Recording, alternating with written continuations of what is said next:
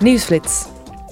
Gisteren kwamen de leden van het Europees Parlement en het Zweedse voorzitterschap van de Raad overeen om het wettelijke verplichte aandeel van hernieuwbare energie in het eindverbruik van energie in de EU te verhogen tot 42,5 procent in 2030.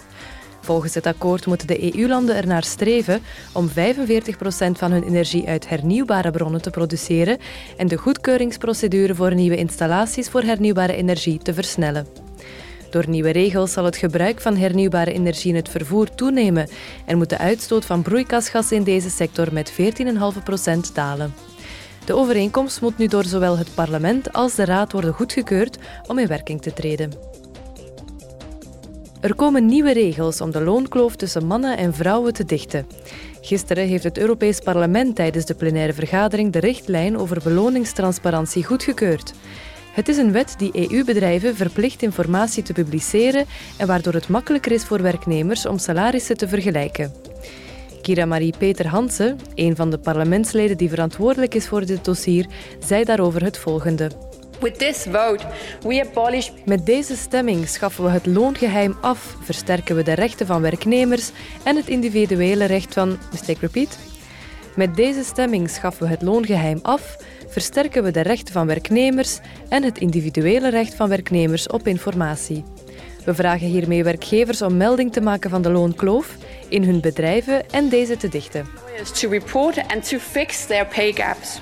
Samira Rafaela, het andere verantwoordelijke parlementslid op het gebied van beloningstransparantie, voegde daaraan toe This directive says you deserve to be treated in de richtlijn staat dat je het verdient om gelijk behandeld te worden en dat je het verdient om eerlijk betaald te worden, ongeacht je geslacht, je achtergrond of je fiscale kenmerken.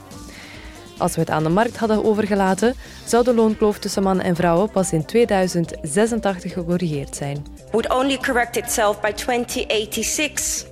De nieuwe regels maken het mogelijk sancties, waaronder boetes, op te leggen aan bedrijven die zich niet aan de regels houden. Het Europees Parlement herdacht ook de 25e verjaardag van het Goede Vrijdagakkoord.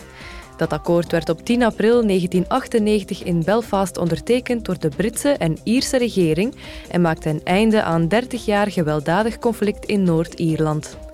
Bij de opening van de herdenkingsplechtigheid zei Roberta Metsola, de voorzitter van het parlement, de voorzitter van het Europees Parlement.